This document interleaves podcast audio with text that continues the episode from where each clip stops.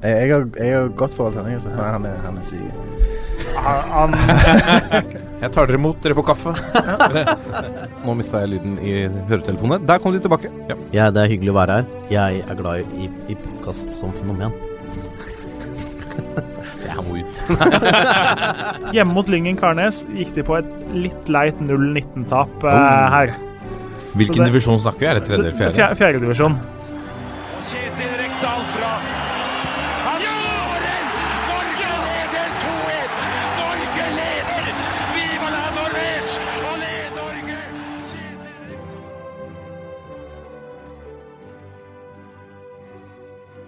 Og der er eh, toppfotball tilbake eh, igjen.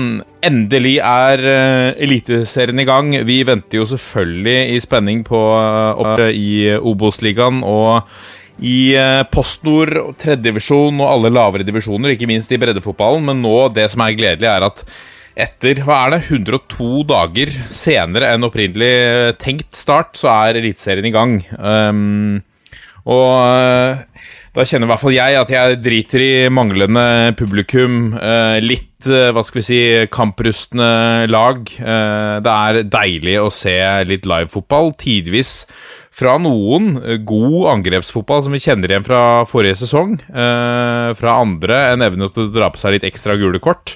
I det hele tatt, det, det lever. Eh, Lasse Wangstein, du eh, Var det du, eller var det Kjernås som eller, Nei, det var kanskje Ole Martin som sa at han nesten satt med tårer i øya under seriestarten. Ja, det var eh, ikke tilstedeværende i dag, Ole Martin Nesselquist, som sa det.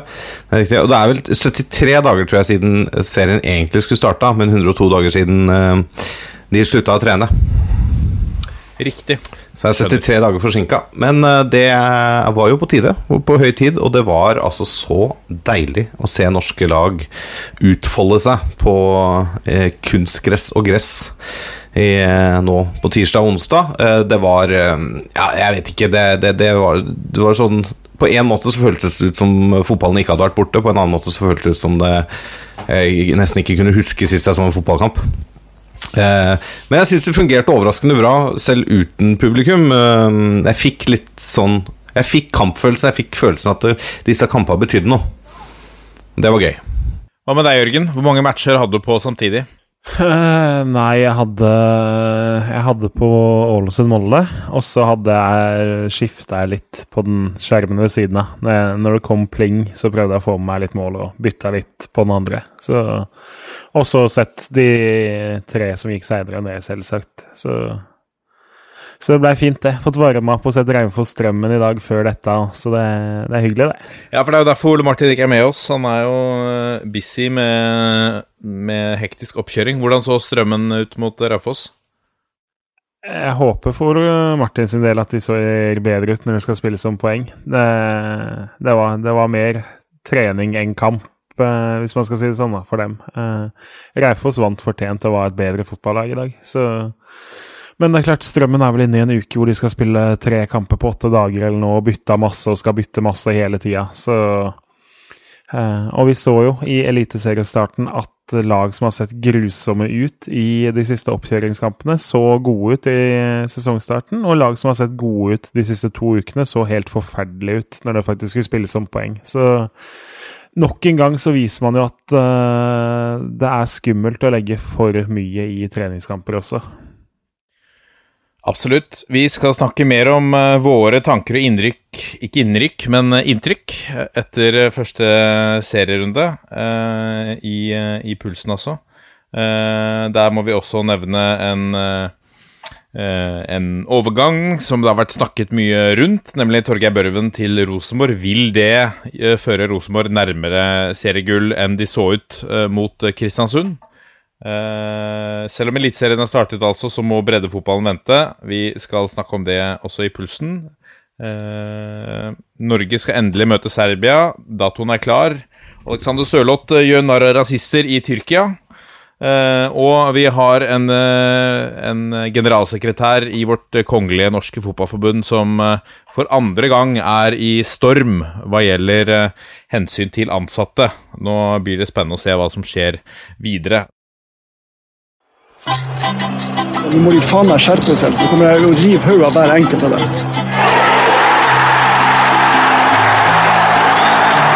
Og da er det duket for ukens tulipanogaktus ved spaltens president Lasse Wangstein. Ja, du, vet du hva. I denne uken her så er jeg så gira for at det er seriestart igjen at eh, jeg har faktisk valgt å gi ut to tulipaner og to kaktuser. Er det greit? Rått. Ja. Det. Får jeg den ene for at jeg stakk fra forrige sending, eller? Nei, nei, nei, nei, nei det, ja, da hadde du fått tulipan i så fall. Ja, fordi at du bidrar eh, med, med familieforøkelse i nær slekt. Det hørtes jo ikke bra ut. Nei, det var jo ikke sånn ment, men du bidro, bidro til at nær slekt kunne ha sin familieforøkelse. Det var vel det jeg skulle prøve å si. Videre, Videre. videre, videre. Før jeg gir meg selv en kaktus. eh, ukens første tulipan går til bortelaget. For fem av åtte kamper i seriestarten endte med borteseier, og de tre resterende endte uavgjort. Så uavhengig av manglende publikum, rare tider og alt det der, det er rett og slett imponerende. Um, altså, det er liksom eh, Det blei jo snakka om det i forkant, at eh, det hadde vært tendens i Bundesliga, at det var flere borteseiere normalt og sånne ting. Eh, men at det skulle slå ut så hardt i Eliteserien, det hadde jeg ikke forventa, rett og slett. Så det Da må bortelaget få hatten av for gode prestasjoner, rett og slett. Er det et, eh, tydelig, en tydelig bekreftelse på at det er veldig moro å være på tur? Eh, ja, det er gøy, gøy å være på tur, og så er det veldig gøy å ha publikum i ryggen når du spiller hjemme. Eh, litt mer enn 200 supportere, skråstrek sponsorer og andre venner av klubben. Så det, mm, det Det tror jeg har mye å si, faktisk. Den hjemmebanefordelen som alle snakker om. Nei, det har ikke så mye å si, banen er like stor og alt sånt. Det har masse å si. Eh, Det har det. Eh, Og i forlengelsen av det så går den første kaktusen naturlig nok til noen av de utvalgte få i Sarpsborg og Trondheim som fikk lov å komme på kamp, de heldige. Som med sin oppførsel og ansamling egentlig fortalte hele verden at dette her, det skal ikke så mange andre få oppleve. Eh, Eller aller helst at de ser at kampene spilles for tomme tribuner.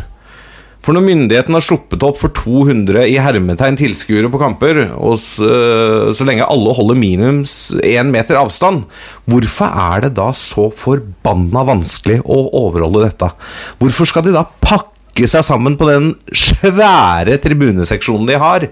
Tenker folk kun på seg sjøl? Ser de ikke lenger enn sin egen nesetipp? I verste fall, da, eh, så forsinker dette jobben med å slippe inn flere tilskuere på tribunene, eller enda verre, eh, det blir innskrenkinger igjen. Løkhuer. Kjernås. Jeg ville bare si på den med hjemmebane, da. Jeg syns jo det er veldig interessant å Uh, At vi får se effekten der, da. For det, det er klart, altså i Bundesliga så har det vært en tydelig tendens at uh, det er langt flere, færre hjemmeseiere. Men så ser man jo i andre Bundesliga så er det vel nesten identisk med hvordan det var før, uh, før nedstenginga.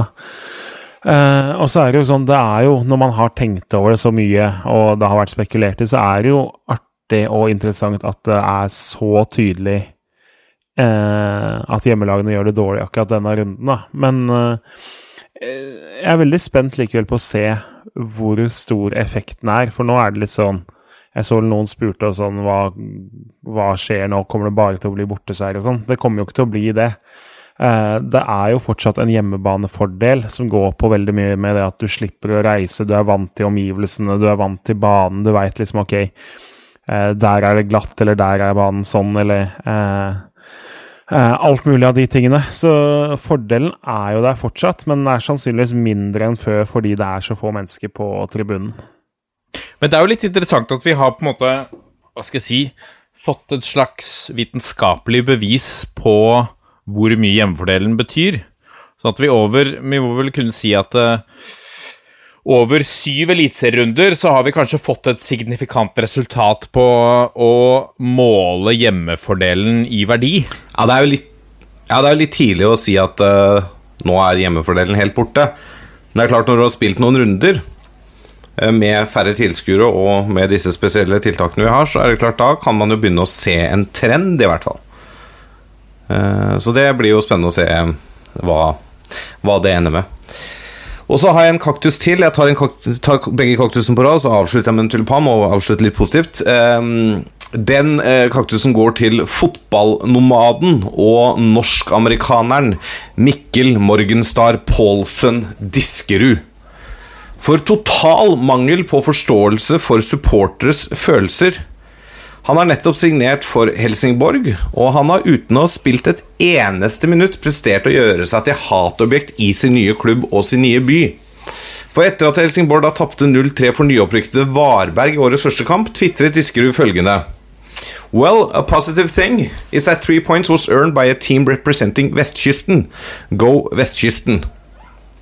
Og For å kaste litt bensin på bålet, eh, og det var vel egentlig det han gjorde med den tweeten, så valgte jo Diskerud samme dag som, ble, som det ble kjent at han gikk til Helsingborg, å tvitre følgende Me and my employer have decided to help out the club by the beach during these corona times. However, I can only hope the contract provisions are economically stringent enough to have me pulled from any match against my beloved Göteborg. Ja, det skrev han samme dag som han signerte for Helsingborg. For altså Med to tidligere perioder for IFK Göteborg, en klubb Helsingborg-fansen ikke har sånn veldig mye til overs for, så ble det jo ikke tatt imot med stående ovasjoner, det her. Diskerud har rett og slett fått beskjed om å pelle seg til H vekk fra Helsingborg, før han i det hele tatt har aksla trøya i en offisiell kamp. Eh, og han mener seg selvfølgelig da misforstått, men allikevel er det bare å si godt jobba, Mikkel. Dette løste du med bravur. Herregud, sjanseløst, eller? Hæ? Kjernås? Ja, nei, altså, dette Altså, om man prøver å være morsom, eller om man diplomat, eller hva det er det, det, Ja, det er så tonedøvt at uh, det, at det blir nesten komisk. Uh, så ja. ja. Nei, det Jeg skulle gjerne likt å høre en grundigere tankeprosess bak hva som egentlig var poenget der, liksom. Men det han har kommet skeivt ut, og laget hans altså De har tapt 0-3 mot laget som vel var tippa sist av omtrent alle mediene, og nå ligger de under 0-2 for et annet lag som er tippa godt ned på tabellen. Så eh, Så Helsingborg står da trolig med null poeng mot to andre håper jeg, dumpekandidater, og har da lagt sin nyeste spiller for hat. Eh, har, la oss si at Helsingborg har ikke fått den beste starten på sesongen. da. Det har vært trått. Dette er, og dette er jo det siste Altså, du begynner jo din karriere på soleklart minus, og spørsmålet er jo om han noen gang kommer til å komme tilbake på plussida hvis det fortsetter sånn som dette. da. Så du skal gjøre ganske mye Du skal gjøre ganske mye bra for å veie opp for, for dette, for det er klart at tilliten her må jo ha fått seg en solid Altså, smell. noe av dette ligger sikkert i at han ønsker å ikke gjøre seg til hat i Gøteborg, da, sånn at han ikke blir pipet ut når han kom, kommer dit. Ja, men hvorfor ikke? Hvorfor det? Hvorfor bryr du deg? Du spiller for Helsingborg, hvorfor bryr du deg om det? Du i hvert fall Bry deg inni Ja, deg, det er liksom. akkurat det. Bry deg inni deg. Han er jo en klubbnomade av en annen verden. Han har jo bytta klubb så ofte at det er helt sjukt. Og, eh, ok, ja, han har følelser for Göteborg, da. Han liker IFK Göteborg. Men eh, som du sier, hold det inni deg. Altså, Og tål å bli pipi på, da. Det er jo en del av fotballens eh, Og det, det blir ikke så jævlig mye pipekonsert framover heller, da. Og du blir jo pipi på fordi at uh, supporterne bryr seg om deg. De gir jo blanke i å pipe på en som har vært et null i den klubben han kom fra. Så det er jo akkurat Det er jo, et, det er jo en kreditt. Og så kan du heller gjøre sånne ting som å unngå å feire. Det syns jeg er helt greit. Folk som unngår å feire for en klubb de har spilt for i ti år, det vet jeg du ikke er så glad i, Lasse. Men, ti, år, ti år er greit. men dette her, Men altså så når de har vært der ett år, Ja. er for dumt. Juble for Ja, scoring. Ja, nei, men eh, herregud for, det, er, det, er, det er som Jørgen sier, det er så tonedøvt. Så det er så, det altså, jeg, jeg skjønner ikke at det går an. Altså, jeg, jeg håper at han styrer denne sosiale mediekontoen selv, denne Twitter-kontoen selv, at han ikke har noen rådgivere som sitter og forteller ham hva han skal skrive. For da er det bare å sparke dem, i hvert fall. Og åp åpenbart ingen rådgivere. på Herregud, ass. Nei, det Gratulerer, Mikkel. Jeg er litt overrasket over at jeg ble såpass forbanna. Jeg ble litt forbanna på dette. Jeg er litt overrasket over min Jeg ble forbanna på vegne av Helsingborg-fansen. Total, total mangel på forståelse av hvordan en fotballsupporter øh, føler. Altså, helt Nei, Nei. Eh, la oss snakke om noe gøy. Det er jo for så vidt gøy at han er helt dust, da, men eh, eh, den siste tulipanen må selvfølgelig gå til eh, Ottestads nye store sønn, Simen Bolka Nordli. Som faktisk prøver fra 45 meter når han ser keeper stå langt ute. Og da setter et mål som bokstavelig talt ble hørt verdens rundt, verdens rundt, verden rundt, heter det vel. Snakker vi årets scoring allerede i første serierunde der, eller? Han fikk jo litt konkurranse fra noen andre der, men jeg syns den her toppa hele driten. Ja, I hvert fall rundens mål. Det kan det ikke være særlig tvil om. Det var en med hæren der òg, fra Østensen, vel, men eh, Ja, Østensen er klart foran for min del, altså. Æ, Mener du det? Jeg er svak for sånne langskudd, altså. 40 meter, uh, Kjær, altså. Den duppen! Ja, det Ja, men det, altså, det er jo har, altså, har du keeper ute der, så ville de fleste Det prøvd det Du snakker som om den er ferdigskåra! Nei, men altså, de, alle hadde jo prøvd på det, og en del hadde gjort det. Men det, det Østensen gjør, på, gjør, det er, eh, det er X-faktor på enda høyere hylle. Men Det eh, er piss. Alle hadde ikke prøvd nei, på det. Men det er men- Jo, da jo, Men er, alle kommer det ikke med halvvolley også? Nei, nå begynner halvvolley. Da begynner vi å ta den langt å kalle det det. Det er ikke, jeg mener, det, det jeg mener er at det er ikke som, det er ikke som liksom, det, er ikke, det er ikke fra 60 meter, det er ikke som Beckham sin scoring. Eh, det er heller ikke en heading fra midtbanen, som vi har hatt tidligere. Men, men det er altså en den, Han får ikke masse tid på seg for å gjøre dette. Nei, det, er altså, er ikke, Eh. det er jo ikke meninga å undervaluere scoringa hans. Det er jo en nydelig scoring. Eh, men eh, Og det er så klart Det er en årets målkandidat, men jeg, du skal få eh, den, den kommer ikke til å være topp fem skåringer i Eliteserien når vi er ferdig. Men Østensens hæl, altså eh, fra sju meter, er, eh, er høyere på lista. Fra, langt, fra sju meter nå, faktisk. Fra elleve, men ok. ja, hans er, han, han, hans er plassen høyere. Ja, da får vi være enige om å være eh, uenige. Eh, jeg syns Jeg tenker vi må, vi, vi må spørre Twitter-følgerne om, må vi Ja, det, det gjør vi. Ja. Vi noterer oss da at Jørgen Kjernås mener at for at vi skal score fra 40 meter, så er det nødt til å gjøre med hæren, for at det skal være bra nok. jeg, jeg, vil hevde, jeg vil hevde at det var en, eh, en interessant tolkning. eh, men greit. Men uh, må i hvert fall si at Bolkan Nordlis, Nordlis scoring Den gikk jo mer vir- viralt enn Østensen sin, da. Så han vinner jo på det punktet, i hvert fall. Nå kommer pulsen. Og da er vi kommet til pulsen, og vi begynner pulsen med å snakke litt om eh, tanker og inntrykk etter første serierunde, fordi nå har vi sett så eh, lenge fram til det. Altså helt siden, uh, helt siden adventstida i fjor har vi gått og venta på dette, Lasse. Og um, hadde, vi, hadde, vi visste ikke helt hva vi kunne forvente, hvordan lagene ville se ut. Er det, hva er du mest overraska over ved, ved runden som var, hvis du ser på enten på resultatene eller matchene som sådan, eller uh, skåringer fra 40 meter, eller Ja, nei um, Jeg er litt uh, Litt overraska og bekymra på trøndernes vegne at Rosenborg så såpass svake ut som de gjorde mot eh, Kristiansund. Jeg hadde forventa mer av Rosenborg. Det er jo et lag vi har tippa ganske høyt på tabellen. Ja, og det er klart, Hvis de nå går på en smell borte mot Molde i neste serierunde, så er de fem poeng bak allerede etter to runder, og da begynner det, å, da begynner det faktisk å haste allerede om de skal ta det seriegullet de lengter etter der oppe. Så det er jo én ting. Jeg er også så er jeg positivt overraska over Sandefjord. Jeg levna ikke de veldig mye håp i forkant av um, denne runden, selv om ikke Odd nødvendigvis har sett veldig solid ut. Og eh, på en måte kanskje er litt i et generasjonsskifte, har bytta trener og alt det der, så hadde jeg forventa at Odd skulle ta seg av Sandefjord ganske greit på eget kunstgress. Sandefjord er jo et gresslag. Eh, at Sandefjord reiser fra Skien med sine første tre poeng i historien eh, etter å ha spilt ti kamper der uten å vinne tidligere, det er jo også noe å ta med seg fra den runden her, helt klart.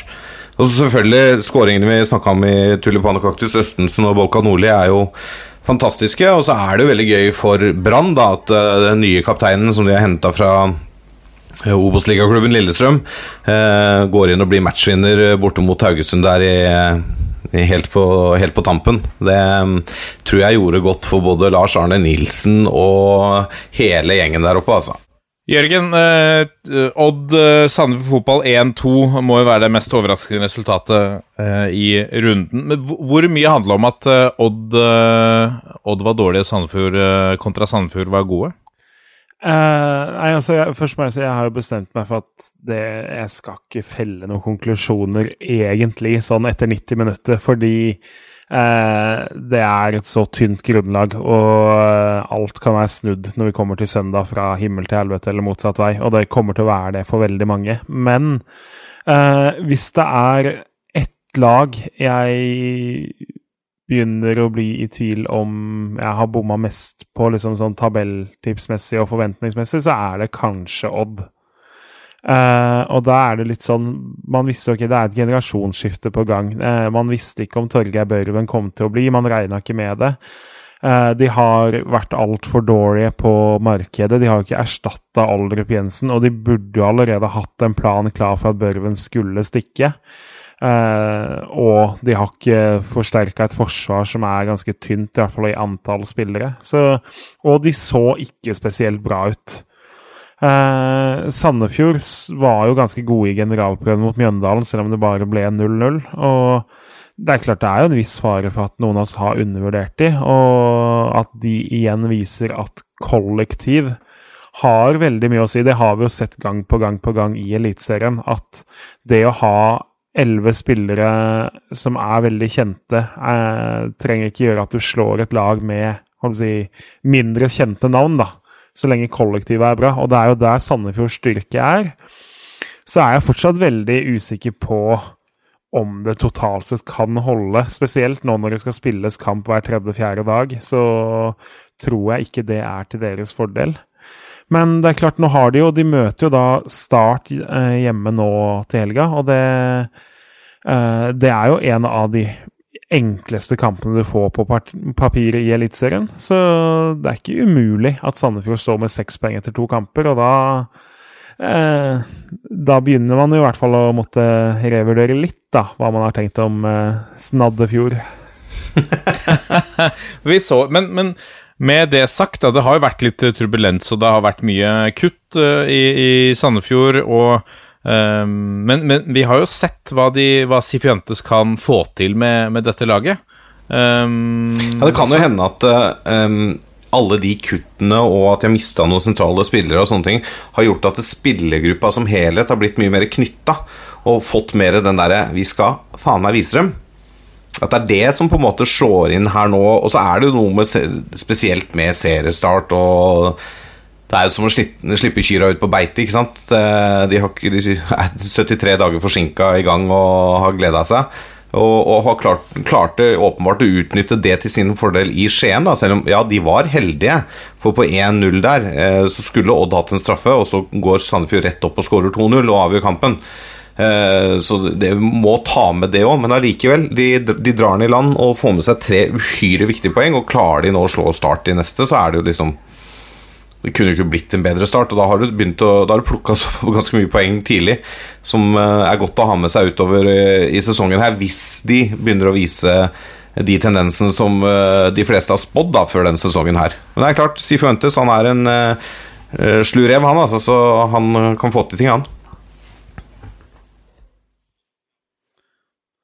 Jeg må si Ellers så har man jo Vi nevnte jo litt dette med treningskamper. Eh, generalprøven f.eks. av Sarpsborg Start 4-0. Eh, Sarpsborg feide over Start etter alle kunstens regler, sånn som det skilte to-tre divisjoner mellom laga. Det Start så ikke ut som de var klare til seriestart i det hele tatt, mens Sarpsborg så fantastisk ut. Og så Det som skuffer meg med Sarpsborg og Haugesund, av to lag jeg har troa på fortsatt, er jo at eh, de så til de grader ikke hadde noen plan B når plan A ikke funka. Sarpsborg har vært gode på kontring og gode på å sende mange mann i angrep tidlig i hele vinter og oppkjøringa. Vålerenga nekta dem det. Dag Eilif Fagermo hadde gjort en veldig god hjemmelekse der på hvordan du skulle stoppe Sarpsborg. Så selv om Vålerengas angrepsspill ikke er noe det blir skrevet lærebøker om, så tok de med seg tre poeng fordi de hadde eh, forberedt seg veldig godt på hva de møtte og hadde et godt motspill. Så, men at Sarpsborg på en måte Løsninga ble liksom å kunne kaste inn Moss som kant, og det skjedde jo litt rundt han og alt sånn, men de hadde på en måte ikke noe nytt mønster å spille etter, eller noen nye tanker å komme opp med. Og samme var Haugesund, som var For meg så er Haugesund definitivt rundens skuffelse. Fordi eh, det var så dødt, og det var så tafatt, og så sitter da Så sitter de uten å bytte. Jeg skjønte ikke Altså, Kristoffer Welde kom inn for Kjellmann, som jo bare gjorde en helt OK jobb, men ikke så mye mer. Men så bruker han ikke noen av de andre byttene, bortsett fra når det må byttes på overtid, da, eh, fordi bekken blir skada. Men da sitter Mats Berg Sande, som er en kreativ midtbanespiller, som riktignok aldri har spilt eliteserie, men du sitter og sier at du har to mann på midten som ikke funker i det hele tatt i eh, Christian Grindheim og Kevin Krygård. At, liksom, at du ikke bytter og får inn friske bein siste 15, da, når du ser at ting ikke funker. Uh, uforståelig for meg at de, at de ikke på en måte prøver flere av kortene de har på hånda. Så for Sarpsborg og Haugesund litt sånn taktiske tap, på en måte. De, tapte mye av kampen på benken, vil jeg si. Ja, eh, sa jo til VG etter kampen at, eh, at uh, Han antydet til og med at vi var delaktige i, i, i prestasjonen til Haugesund. Um, vi tippet, er jo blant de som har tippet Haugesund litt lengre opp på tabellen. Grindhaug uh, lanserte en teori om at spillerne hans har lest litt for mye tabelltips og trodde at de er litt bedre enn det de er. og så sa han at akkurat nå så var vi et ræva fotballag. Så kan det ligge noe i det? At, eh, at de har eh, Hva skal vi si? Har lest tabelltips, og så har de gått ut og trodd at eh, de skal feie over Brann?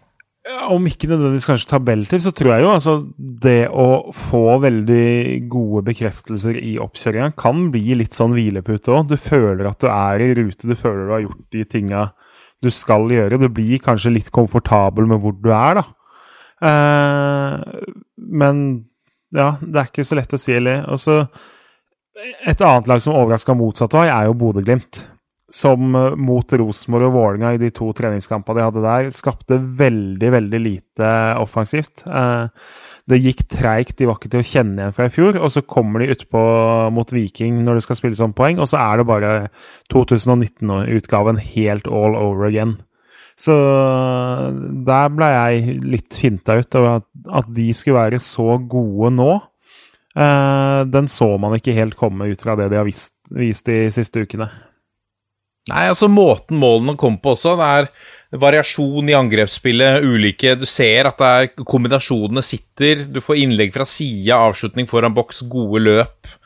Um, det er et godt samspill, og det er fire forskjellige målskårere med den positive effekten det også kan ha. Det er fire stykker som får åpna kontoen. Jens Petter Hauge får en bekreftelse etter endelig Kanskje liksom dette skal være sesongen, hvis ikke han blir solgt, da, hvor, eh, hvor uh, han skal kapre den plassen. Han, uh, han, han, har vi jo snakket om i, mange år allerede. Uh, du har Sinker Nagel som, som, gjør en god jobb. Du har Kasper Junker som er involvert i angrepsspillet, selv om han ikke får scora. I det hele tatt Kjetil Knutsen må sitte igjen med kanskje være den treneren som sitter igjen med flest positive svar etter serieåpninga. Ja, han har jo vært veldig tydelig på at uh, sånn tapet av Evjen og Lajoni, da det, Ja, selvfølgelig, det er solide spillere som har levert mye de mister, men han sier jo at de skal ikke erstatte dem med, med andre personer, de skal erstatte dem med systemet. Med måten de spiller fotball på. De skal ha en spillere som går inn og tar rollene på sin måte. og og det viser han jo i den kampen der, hvis du ser den isolert sett, da, at det, det lykkes han jo med. Og det er jo, det er jo veldig gøy for Bodø-Glimt. At de på en måte virker å fortsatt være et lag å regne med eh, oppi der også i 2020, etter de, de spillerne de har mista det de siste året. Og så må vi si at Molde som vinner 4-1 borte i første seriekamp, hvor de strengt tatt kun var på, på brukbart nivå i en omgang, kanskje. Eh, de var i hvert fall ikke så veldig fornøyd med første omgang selv. Det, det, kan jo lukte litt uh, Lukte litt uh, Hva skal vi si? Uh, I hvert fall tabelltopp. ja, og det kjennetegner jo et topplag at du klarer å vinne forholdsvis komfortabelt i kamper hvor det ikke kanskje er maks prestasjon. Eh, de har noen enkeltspillere som er helt fantastiske og gjør ting på egen hånd. Eh, de har eh, altså, Wolf Eikrem, selvfølgelig. Kommer ikke utenom han. De har, en toppskårer, Laker James, der, som selv om han nå må stå over neste runde pga. Rødt kort i seriepremieren, så um, han viser jo igjen hvilken fantastisk spiss han er. Nå er de jo heldige, de også. Den 2-1-skåringa rett før pause der skulle jo vært annullert, men likevel. Eh, Molde hadde akkurat det de trengte for å slå det Ålesund-laget, og det, det er nok godt å ha med seg for Mo og gjengen. Ja. Vi eh, Skal vi gå videre til eh, fra, fra topp til bredde? Fordi eh, mens vi kan kose oss med Eliteserien, så er det en haug av lag i de lavere divisjoner, inkludert en rekke barn og voksne, som er nødt til å vente. VG skriver at et notat de har fått innsyn i, viser at helsemyndighetene anbefaler ikke å vurdere ytterligere gjenåpning av barne- og breddeidretten før 1.9. Um, jeg så Solveig Gulbrandsen, som er trener på aldersbestemt nivå, eh, sa at eh, for, for, eh, for, et jentelag sa at eh, jentene slutter. Eh, gidder ikke komme på trening, for det er ikke noe gøy lenger. Eh, jeg har selv snakka med Dag Oppjordsmoen, som er bekymra for utviklinga på de aldersbestemte nivåene, fordi at det stopper opp i en, i, en, fase hvor altså, hver måned er viktig som en del av utviklinga di når du er et sted mellom 13 og uh, hva skal vi si, 17-18 år. Um, hva, hva, hva, tenker dere? Det er vel ikke noe tvil om hva vi tenker. Vi vil jo ha i gang fotballen. Men uh, Jørgen, hva, hva breddefotballens store beskytter? Hva er dine tanker rundt dette? Jeg tenker jo først at det er noen som sitter og bestemmer hos FHI, som garantert ble valgt sist i hvert eneste storefri, og som nå endelig får tatt sin revansj over fotballen, som de sikkert har hata siden. Uh, nei, altså, jeg, jeg, klarer ikke å skjønne det. Og jeg har prøvd de siste månedene ikke skulle mene så mye om smittevern og sånne ting, for det har jeg egentlig ikke peiling på overhodet, sånn som 99,9 av samfunnet sannsynligvis heller ikke har. Men når du ser da at ok, vi har gjort det samme som Danmark hele tida, de har åpna opp for alle for lengst. Sverige åpner opp for alle. Finland åpner opp for alle. Alle land åpner opp for alle. Vi har åpna opp nattklubber, puber, treningssentre, restauranter, kollektivtrafikk. Du kan sitte ved siden av en ukjent fyr og en gammel dame som du ikke veit hvem er, på flyet i to-tre timer. Eh, altså, alt føles ut som det er lov i samfunnet nå, bortsett fra å spille fotball.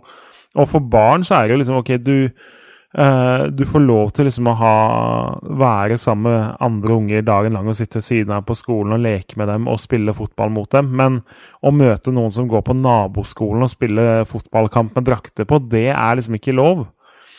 Uh, så, altså, jeg klarer etter beste evne ikke å skjønne at det her er den tingen som skal være stengt ned ennå. Det jeg blir veldig imponert og overraska hvis noen klarer å forklare meg på en god og pedagogisk måte, måte hvorfor dette fortsatt er stengt når alt annet er åpent. Uh, og det er klart, som du sier innledningsvis òg, altså det får jo konsekvenser. Folk går lei. Uh, åtteåringer går lei, tolvåringer går lei, 15-åringer går lei. Eh, amatørspillere i fjerde, sjette, åttende divisjon i bedriftsfotball, folk går lei. Folk slutter, folk begynner å spille tennis isteden, eller eh, kjøpe seg hund og gå tur med den, eller ikke gjøre en drit. Jeg, jeg, jeg, klarer ikke skjønne, og jeg klarer ikke skjønne at de ikke tenker i det lange perspektiv på liksom folkehelse og sånn. Det Nei. Jeg, jeg, blir som sagt jeg blir imponert hvis noen klarer å forklare meg dette og overbevise meg om at dette er fornuftig.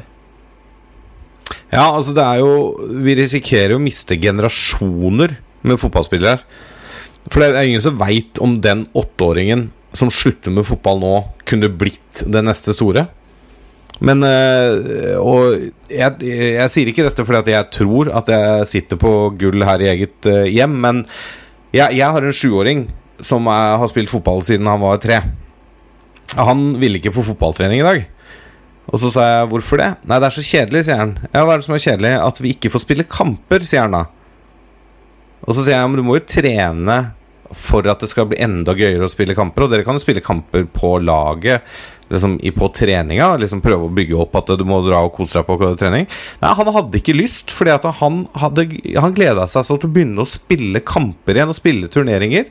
At i dag Klart det er 30 grader og kokvarmt også, da, men han, han hadde ikke lyst til å trene i dag, fordi at han syntes det er kjedelig at han ikke får lov til å spille kamper. Og han har ikke nødvendigvis fått med seg det her at det, de er kanskje tidligst 1.9., selv om man ser på Supernytt nå da, liksom.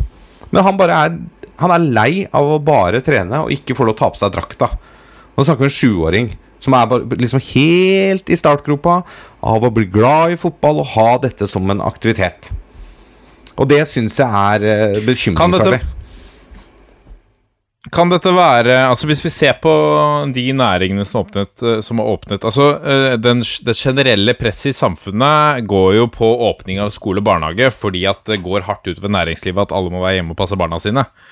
Et press fra en bransje, utelivsbransje f.eks., er Der ligger det jo ganske mye tapte inntekter, arbeidsplasser mye penger og, og, mye sånn sett sikkert påvirkning fra ulike organisasjoner på at nå må de ulike næringene åpne.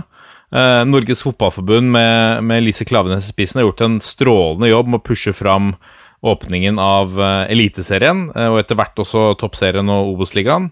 er det rett og slett sånn at breddefotballen har vært for dårlig på lobbyisme? Har de lagt for stor tillit til at Eh, FHI og, og, og, hva skal vi si, staten tar ansvar for deres interesser? Kan det være en uh, Har de vært for dårlige på lobbyisme, rett og slett, breddefotballen?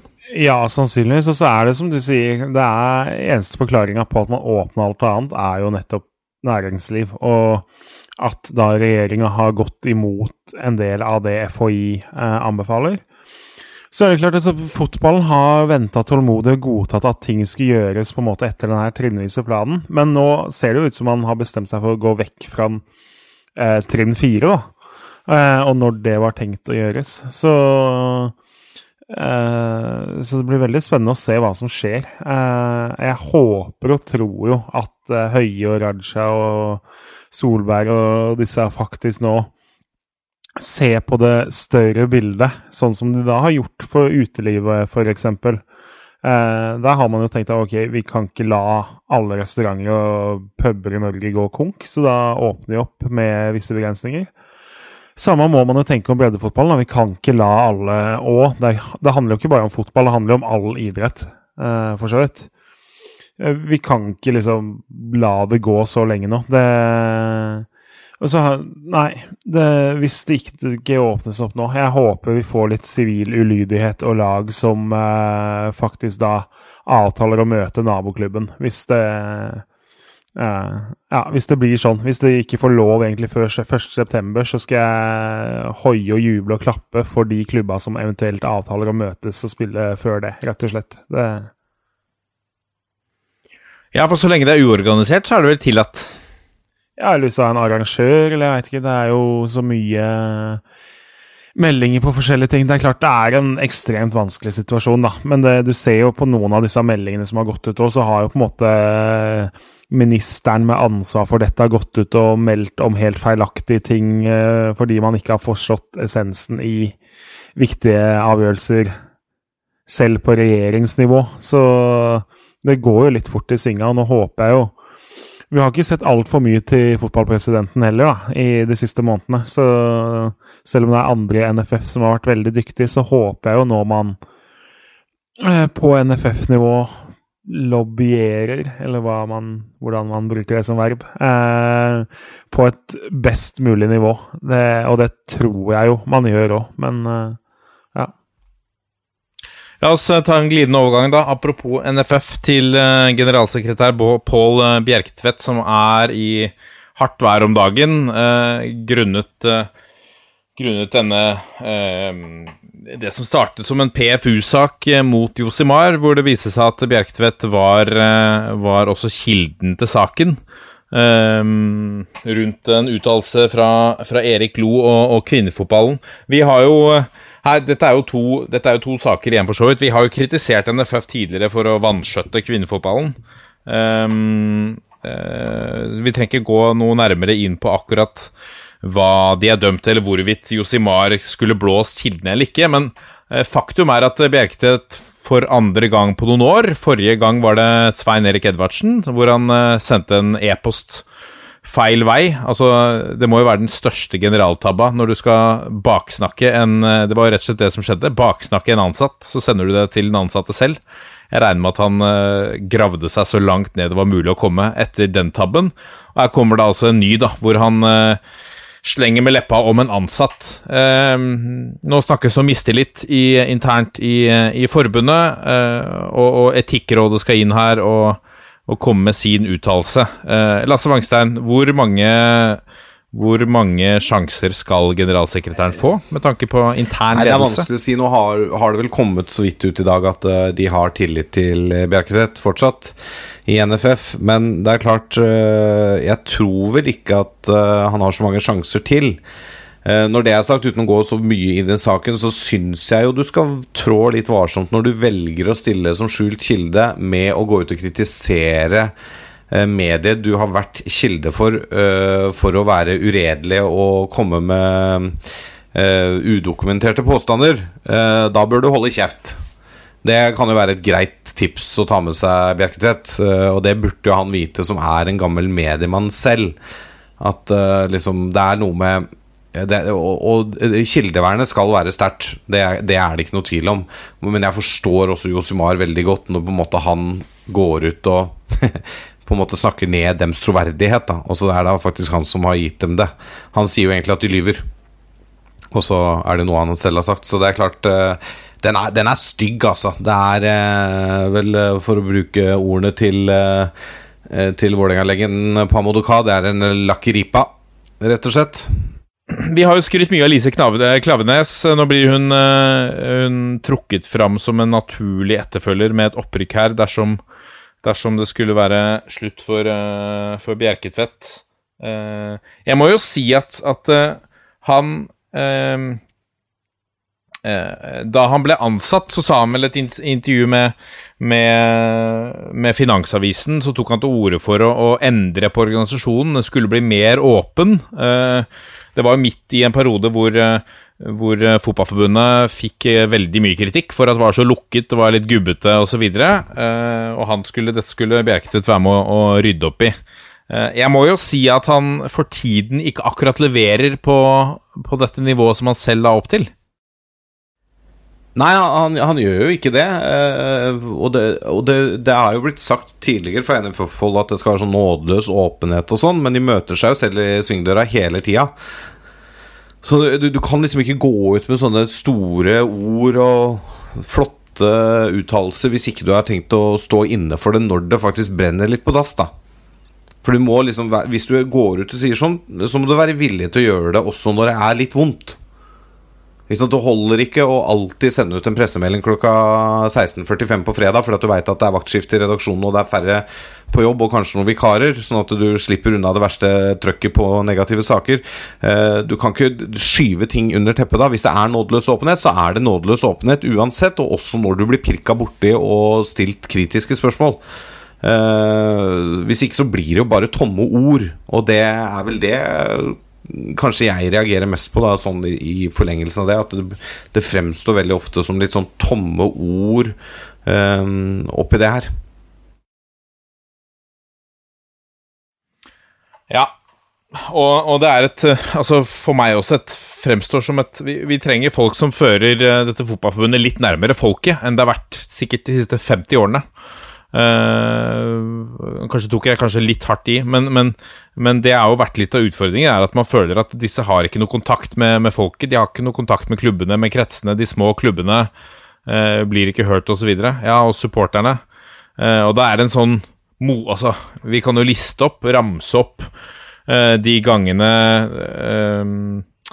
var det, var det senest i fjor, med tanke på Pyro-debatten, hvor de stilte opp og de, og de løy på på, på direktesendt TV uh, med en supporter altså det, er, det, er, det er veldig mye eksempler, men det, det jeg syns kanskje er mest skremmende, er jo det, at det, åpenbart er en ukultur der som handler om baksnakking. Uh, og Du har jo nevnt to eksempler her. Det er jo den Svein Erik Edvardsen-saken, og så er det den nå med Erik Lo. Hvor på en måte Bjerketvedt først eh, i første omgang skal liksom sende ut en mail internt for å baksnakke Edvardsen, og så sender han feil, og så er det den Erik Loe-saken hvor han velger å gå som skjult kilde til Josemar og baksnakke en ansatt. Eh, og altså er det, det er lite som provoserer meg mer enn folk som baksnakker. Altså folk som eh, gjør altså tar det valget for å mele sin egen kake eller snakke ned andre som går rundt og lyver og herjer på. Og allikevel da, ser du jo gang etter gang i fotballen og i næringsliv og arbeidsliv generelt at sånne folk kommer seg opp og fram. ikke sant? De smisker seg opp og fram, og de baksnakker litt og snakker dritt om folk. Og altså, det må vi få slutt på, i hvert fall i en organisasjon som NFF, som skal være hele fotballens samlende organ. Da, da kan du ikke ha en sånn ukultur altså, hvor det er greit å drive og baksnakke egne ansatte eller eh, folk som er på vei ut fordi at du er uenig med noe. Det, det, det, det, blir, blir så dumt, altså. Så det, må, må rett og slett ta et oppgjør med egen internkultur.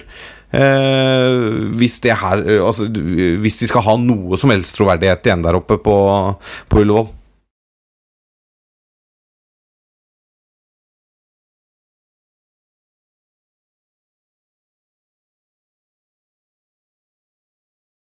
Siste ord er nok ikke sagt. Vi får komme tilbake med en ny oppdatering neste uke, sikkert.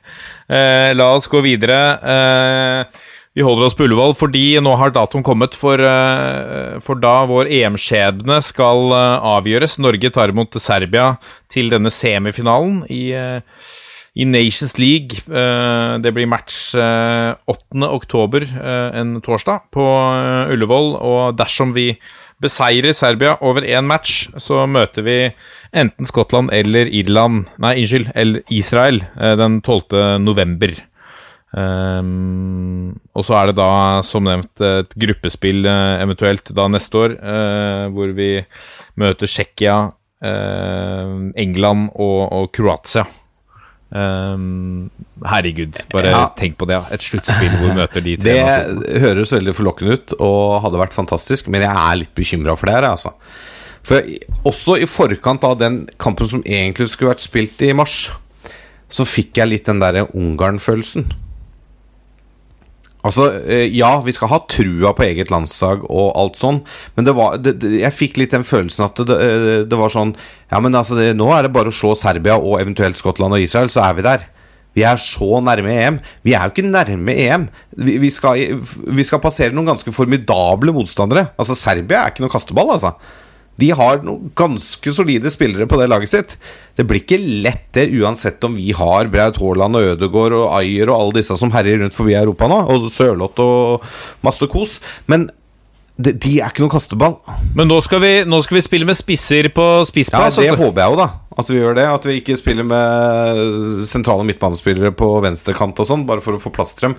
Men det er en helt annen diskusjon. Men altså, det er det er ganske store hindre som skal passeres. Jeg vil jo si, selv om vi dreit oss ut mot Ungarn, at det, det hinderet var mye lavere enn det hinderet vi står foran nå, da, for å nå et sluttspill. Men altså, sjansen er jo der. Er du gæren? Det er bare å se på den eh, lagoppstillinga til Serbia. Altså vi, vi er stolte av å ha folk på La Liga-nivå og, og i Bundesliga, men det er eh, det, de, Ja, og Premier League. Uh, men, men, eh, men det er jo en, det er jo en haug der som, eh, som ikke får plass i troppen engang, som, som spiller i de største ligaene. Så, så det, det, er ganske, det er ganske mye større motstand i, i Serbia enn Ungarn. jeg tror, jeg tror vi må ha litt Og, eh, eh, Hva skal jeg si? ja. Jeg tror vi må ha litt realistiske forventninger til eh, hva som venter oss i oktober og november der. Men vi må ha trua, vi skal ha trua. Men å tro at vi skal spasere oss til et EM nå, det er naiv tro. altså, vi må ikke være naive, men selvfølgelig skal vi tro at vi klarer det. Men vi må ikke være så naive og tro at dette blir enkelt, for det blir ikke, altså. Nei.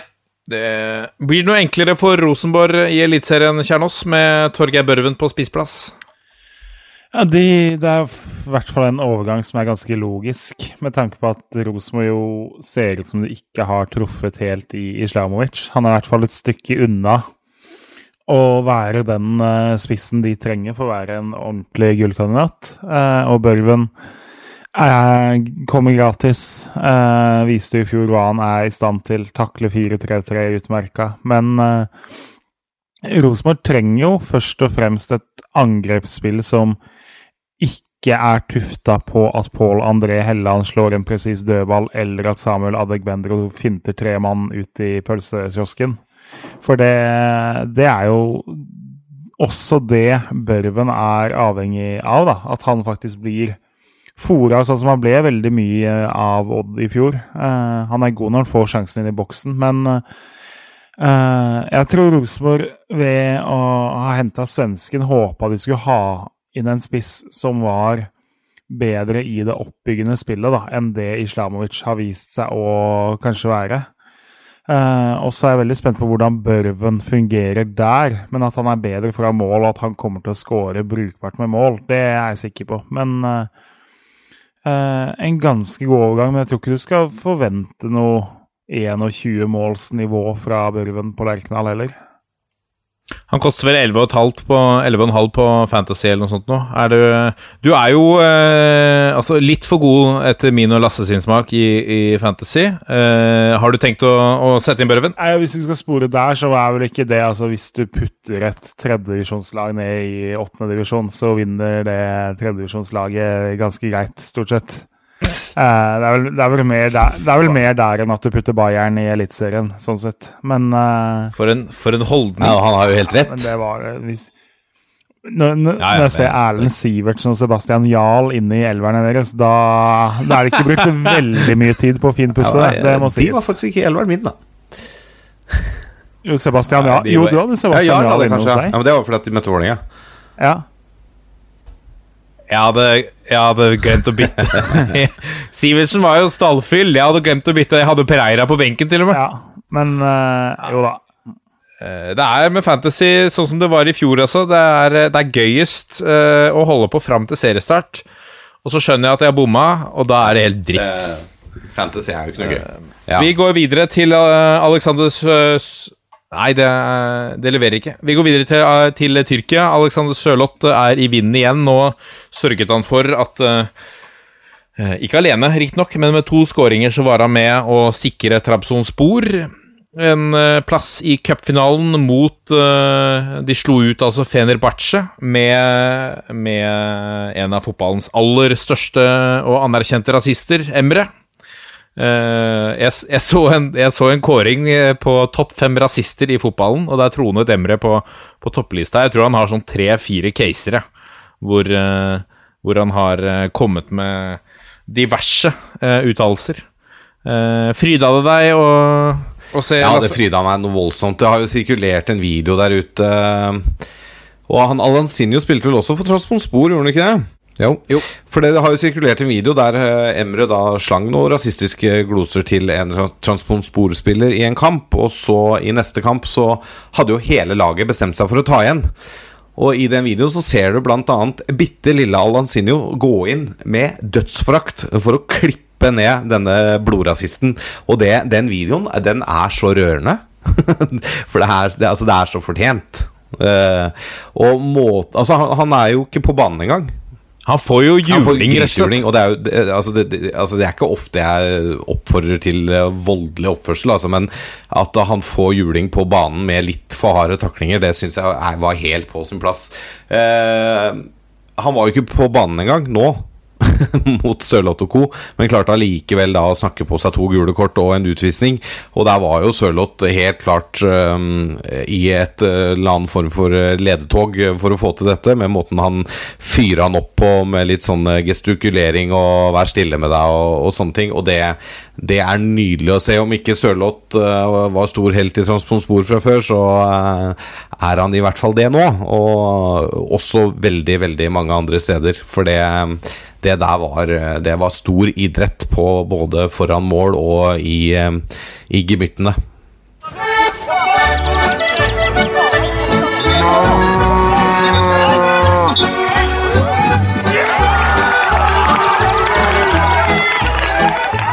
Og da er vi kommet til Breddenytt, presentert av spaltens president, El Presidente, Jørgen Kjøns.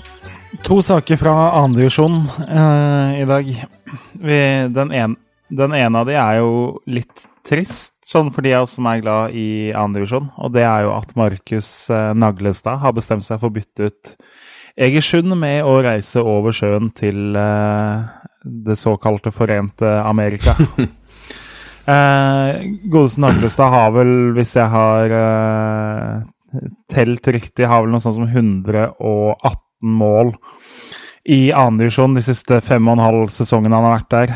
Eh, det er jo et helt anstendig snitt, vil eh, man kunne hevde. Så han er jo de siste fem-seks årene den største målskåreren vi har på et anstendig nivå i norsk fotball, nesten. Så der mister Egersund en viktig bruk i opprykkskampen, og så mister annendivisjon en av sine største og mest eh, profilerte spillere. Han, han drar vel Men sak to er jo desto Bare for å skyte inn, Jørgen. Han drar vel uh, pga. kjærleiken. Han er vel gift med en amerikansk dame og venta på grønt kort, er det ikke så? Jo, det er vel Og så håper han jo å lykkes i fotballen. Ja, han har jo hatt et par uh, Han var jo over der og spilte vel noe college-greier og sånn. Uh, og så har han jo også tidligere ymta frampå om at eh, det er til USA han vil å spille fotball, men så har ikke det blitt noe. Så eh, det er jo andre grunner primært, men han håper vel å kunne slå seg opp og leve av å sparke ball der også. Eh, men sak to er jo desto gledeligere og kommer jo til å få veldig mye oppmerksomhet. Og det er jo at Renate Blindheim, 26 år, blir da Sotras nye trener i andredivisjon.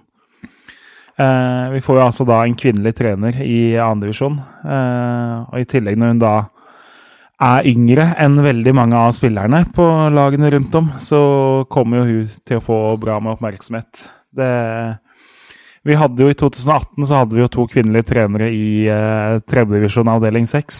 Men uh, det er vel første gang så vidt jeg vet, at vi faktisk har hatt en kvinnelig permanent hovedtrener i uh, annendivisjon eller høyere i norsk fotball. da. Så det er jo kult. Hun var jo selv lovende å ha spilt en del U-landskamper før hun ble skada, og så har hun da fått mye ros for jobben hun har gjort da med yngre spillere i Åsane de siste årene, og nå da vært den de har valgt blant fire-fem kandidater til å ta over eh, etter Tommy Knarvik. Så eh, skal vi droppe de der Helena Mikkelsen eh, som han helt sikkert kommer til å få høre uansett. Men eh, det er klart, det baner jo litt vei. Det er jo ikke veldig mange kvinnelige trenere som har vært hovedtrenere på høyt nivå, verken i Norge eller eh, andre steder. Så Eh, men samtidig, hun tar over et lag som avslutta med å tape nesten alle kampene på høsten, og som har mista en del av de viktigste spillerne sine, og som i noen treningskamper så grusomme ut eh, tidligere i vinter. Så hun, uh, hun, får en tøff jobb med å overbevise der. Men uansett ufattelig kult. Det er Veldig kult. Vi må følge litt med på det, da. Hvordan det går. Ja, det, er, det er veldig kult også pga. signaleffekten. Eh, fordi vi kan snakke så mye vi vil om likestilling og at alle skal ha de samme på en måte forutsetningene for å gjøre en jobb, men noen må bane veien da, og gjøre det. Og all ære til Sotra da, for å tørre uh, å gjøre det, og, og, velge den kandidaten de mener er sterkest, uh, uavhengig av kjønn. Uh, og det Nei, det, det, gleder meg noe voldsomt at vi får oppleve det her, og jeg håper vi får se flere sånne eksempler framover. Dette er toppfotball.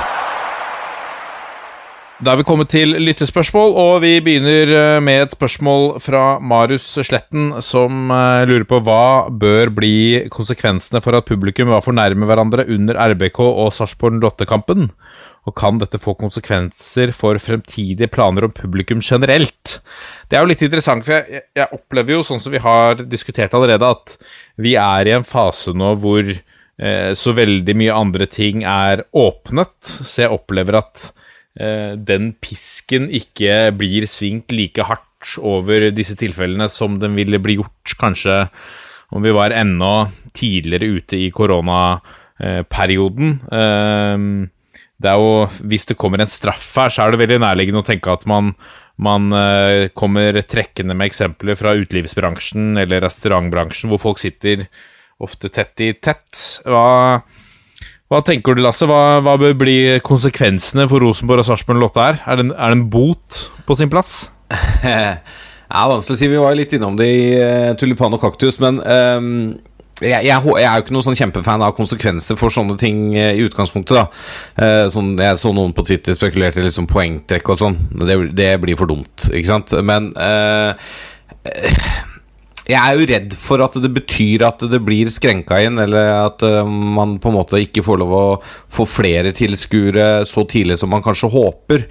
Eh, for det, er jo klart at når man åpner opp for 200 et par dager før seriestart, så er jo det for å teste det, se om det funker, og om man klarer å opprettholde smitteverntiltakene og reglene og retningslinjene.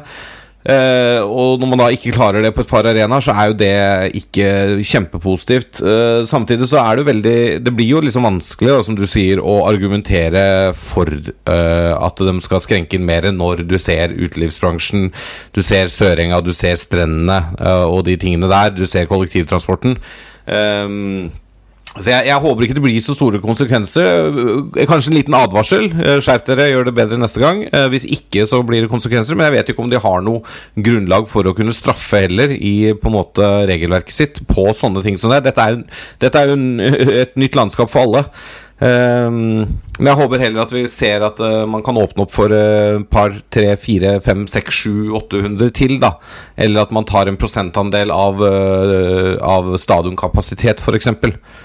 Det ville kanskje vært enda mer rettferdig også. For det er sånn som 200 på Lerkendal eh, kontra 200 i Kristiansund er ganske stor forskjell, da. Eh, bare fordi at de to arenaene tar litt vidt forskjellig antall eh, seter. Så ja, nei, det er vanskelig. Ja, og jeg, jeg tenker sånn at ok, vi, vi kan jo være uenige i reglene, men nå, nå er jo på en måte reglene det reglene er, og så man jo, er man jo nødt til å følge det. Så jeg vil jo tenke sånn så at eh, nå må jo klubbene vise at vi klarer å håndheve og ha 200 tilskuere. Hvis ikke vi klarer å håndheve 200, så er sjansen minimal for at man kommer til å slippe til flere. Først nå så må vi vise at dette fikser vi veldig greit. Og da må jo supporterne som er inne på stadion også ta en del av ansvaret. Hvis ikke så kommer det til å gå hvis ikke så kommer det til å gå Jeg tror det kommer til å bli utvida hvis ikke vi klarer å håndtere dette bedre enn enn f.eks. med Rosenborg og Sarpsborg den lottekampen. Så Ja, det er jo akkurat det, og derfor syns jeg det er feil å straffe klubbene. For jeg tror de har gjort alt de kan for å gjøre dette på best mulig måte. Og så er det de som er der, som velger å sette seg tett, eller stelle seg tett.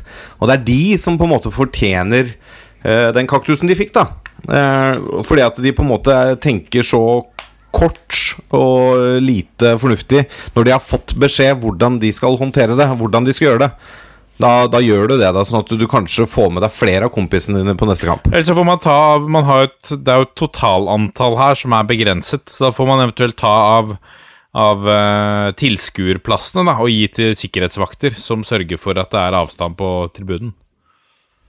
Det er også en mulighet. Vi går videre til styrmann. Eh, Christian Holum på Twitter, han, han ønsker at vi tar opp uh, temaet her som ble for så vidt lansert av Andreas Bryn, hvor eh, Andreas Bryn er lei av eh, han er lei av eksperter som skriker etter uh, trøkk, tempo, tæl, innsats og løpe mye. Han, han vil han ville ha litt mer analyse på, på skjermen. Og, og, dette er jo en diskusjon er nesten litt sånn avhengig av hvem du snakker med. Noen syns at det tidvis, i hvert fall for noen år tilbake, var altfor mye analyse. Altså Det var ikke måte på hvor mye i dybden man skulle gå på den minste feilpasning. Uh, mens når man snakker om uh, å, uh, fokusere på, på tempo, tæl og trøkk og innsats gjennom en hel pause, så blir det kanskje litt for mye, eller? Ja, det er jo en, det er en balansegang, uh, det der. Altså, jeg personlig er veldig glad i analyser og at man går i dybden på ting. Men jeg vil ikke at det blir for mye, da. Du må ikke overdrive det heller. Du må finne den balansen mellom å på en måte snakke om de tinga som også er viktige i fotball. Altså, det er en grunn til at jeg kaller spillere signalspillere. Som for øvrig Bengt Eriksen brukte på sending her i her i serieåpningen. Ja. Da ble jeg stolt. Nei, men altså, det, det, er, det er noe med at det er en viktig del av fotballen. Uh, men det er ikke bare det som gjelder. Det er mye annet òg, og det har jeg lyst til å vite mer om. Det har jeg lyst til å lære mer om. Det har jeg lyst til at de som er eksperter, som kan mest om dette, eller skal kunne mest om dette, skal kunne fortelle meg hvorfor kommer den skåringen? Hvorfor slipper Start inn det målet? Ikke sant? Altså, det, sånne ting syns jeg er kjempespennende. Men det kan jo bli litt for tørt også, Kjernas? Nja, så lenge det forklares på en god måte, så gjør du ikke det med bilder som illustrerer øh, og sånn. Eh, jeg tror jo det er bedre TV enn at øh, det sitter noen som ikke har sett så mye av kampen, skal sitte og mene veldig mye i et studio. på en måte. Da er det jo bedre at du har en som analyserer hele kampen og på en måte trekker fram noe. Men det er jo en balansegang også, da. Eh, og det skal være litt show og litt sånn, da. Men uh, det er jo ikke bare ekspertene heller. Det er jo ufattelig mye som uh, uh, kommer fra trenere også, som jo er ekstremt lettvint. Og det språket med trøkk og tæl og innsats og guts går jo veldig igjen i trenerintervjuer, da. Og så får du også ting som Jeg tenkte jeg skulle sitere godeste Horneland jeg, fra VG. Eh, vi må klare å bruke rammene på en god måte. Da blir det bra. Når rammene blir låste, blir det litt høye skuldre, men det handler bare om gode opplevelser. Får vi noen skåringer, tror jeg det løsner. Det er litt sånn som jeg satt da jeg hadde X-Fill, følte jeg, og skulle levere semesteroppgaver. Bare fylte inn masse ord sånn at jeg skulle komme meg over 1200 ord, eller hva kravet var, liksom. Da fylle på med noen setninger som er fullstendig meningsløse, sånn at du får lagt på 79 ord til i besvarelsen, og så satser du på at du akkurat går over godkjent. For det det er jo Ja. Det, det er ikke den mest analytiske setningen jeg har hørt det heller, for å si det sånn, da. Nei. Nei, vi har kanskje et eh, utviklingspotensial der, og så er det samtidig sånn at noen blir jo aldri fornøyd. Så, så hvis det blir eh, mer analyse, så kommer folk til å snakke om at det er litt for lite sjarmerende. Men det er jo litt av eh, kanskje sjarmen med det hele. Vi, eh, vi får følge dekninga, dekninga videre. Ehm, Følg med på, på Podme også. Der blir det lagt ut en, en preview-episode av neste eliteserierunde. Eh, disse ordinære ukesepisodene fortsetter selvfølgelig på eh, iTunes og Spotify og de åpne kanalene. Eh, så, så må vi ta med at eh, vi gjerne tar imot mail på toppfotball at 451.no. eh, og følg oss gjerne på Instagram og Twitter. Og så må vi eh, runde av. Vi gleder oss eh, til neste eliteserierunde. Eh, har du har du noe hvilke, hvilke forventninger har du til neste runde, Kjernos? Er det et spesielt oppgjør du gleder deg mest til? Det er vel, altså, det er vel ett som, et som i hvert fall peiler seg ut. Det er jo veldig vanskelig å komme unna Molde-Rosenborg der, åpenbart. Men det er jo en runde som jo har mye eh, kamper som jo er eh, potensielle klassikere, e egentlig. Eller som jo er litt klassikere i eh, norsk fotball, da. Du har jo også et oppgjør i Bergen som eh, blir interessant, med Brann mot Viking. Eh, som jo er et lite vestlandsderby der. Du har eh, Vålerenga-Stabæk, ikke minst, som jo er et form for lokaloppgjør, som jo betyr litt ekstra. Eh, Bodø-Glimt-Haugesund, der har man jo fjorårets overraskelse mot det vi trodde kunne bli årets overraskelse. Så det er egentlig en ganske deilig runde, vil jeg si. Sandefjord Start også blir spent på å se om Sandefjord klarer å følge opp, eller om det var et eller om det var Odd som var dårlig i forrige match. At det kan være noe i Altså, det, vi må jo si at står Sandefjord med seks poeng etter to runder de er, Vi blir ganske overrasket da, i utgangspunktet. Ja da, absolutt. Og, det, og så har du jo da Godset Odd, eh, som jo er to av de laga som så dårligst ut i første runde. Som jo skal møtes i Drammen. Ja. Spennende blir det. Vi runder av på sedvanlig vis på én, to, tre. Vi er en gjeng! Ha det! Ha det.